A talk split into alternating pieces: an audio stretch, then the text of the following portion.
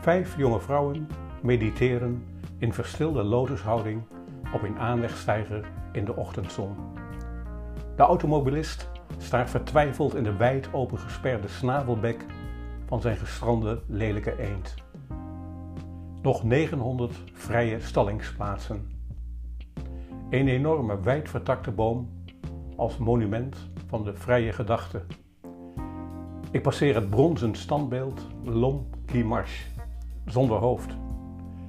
Een in de steek gelaten gifgroene gohelm ligt op een betonnen bank, zonder hoofd. Het spiegelend depot laat mij zien wat achter mij ligt.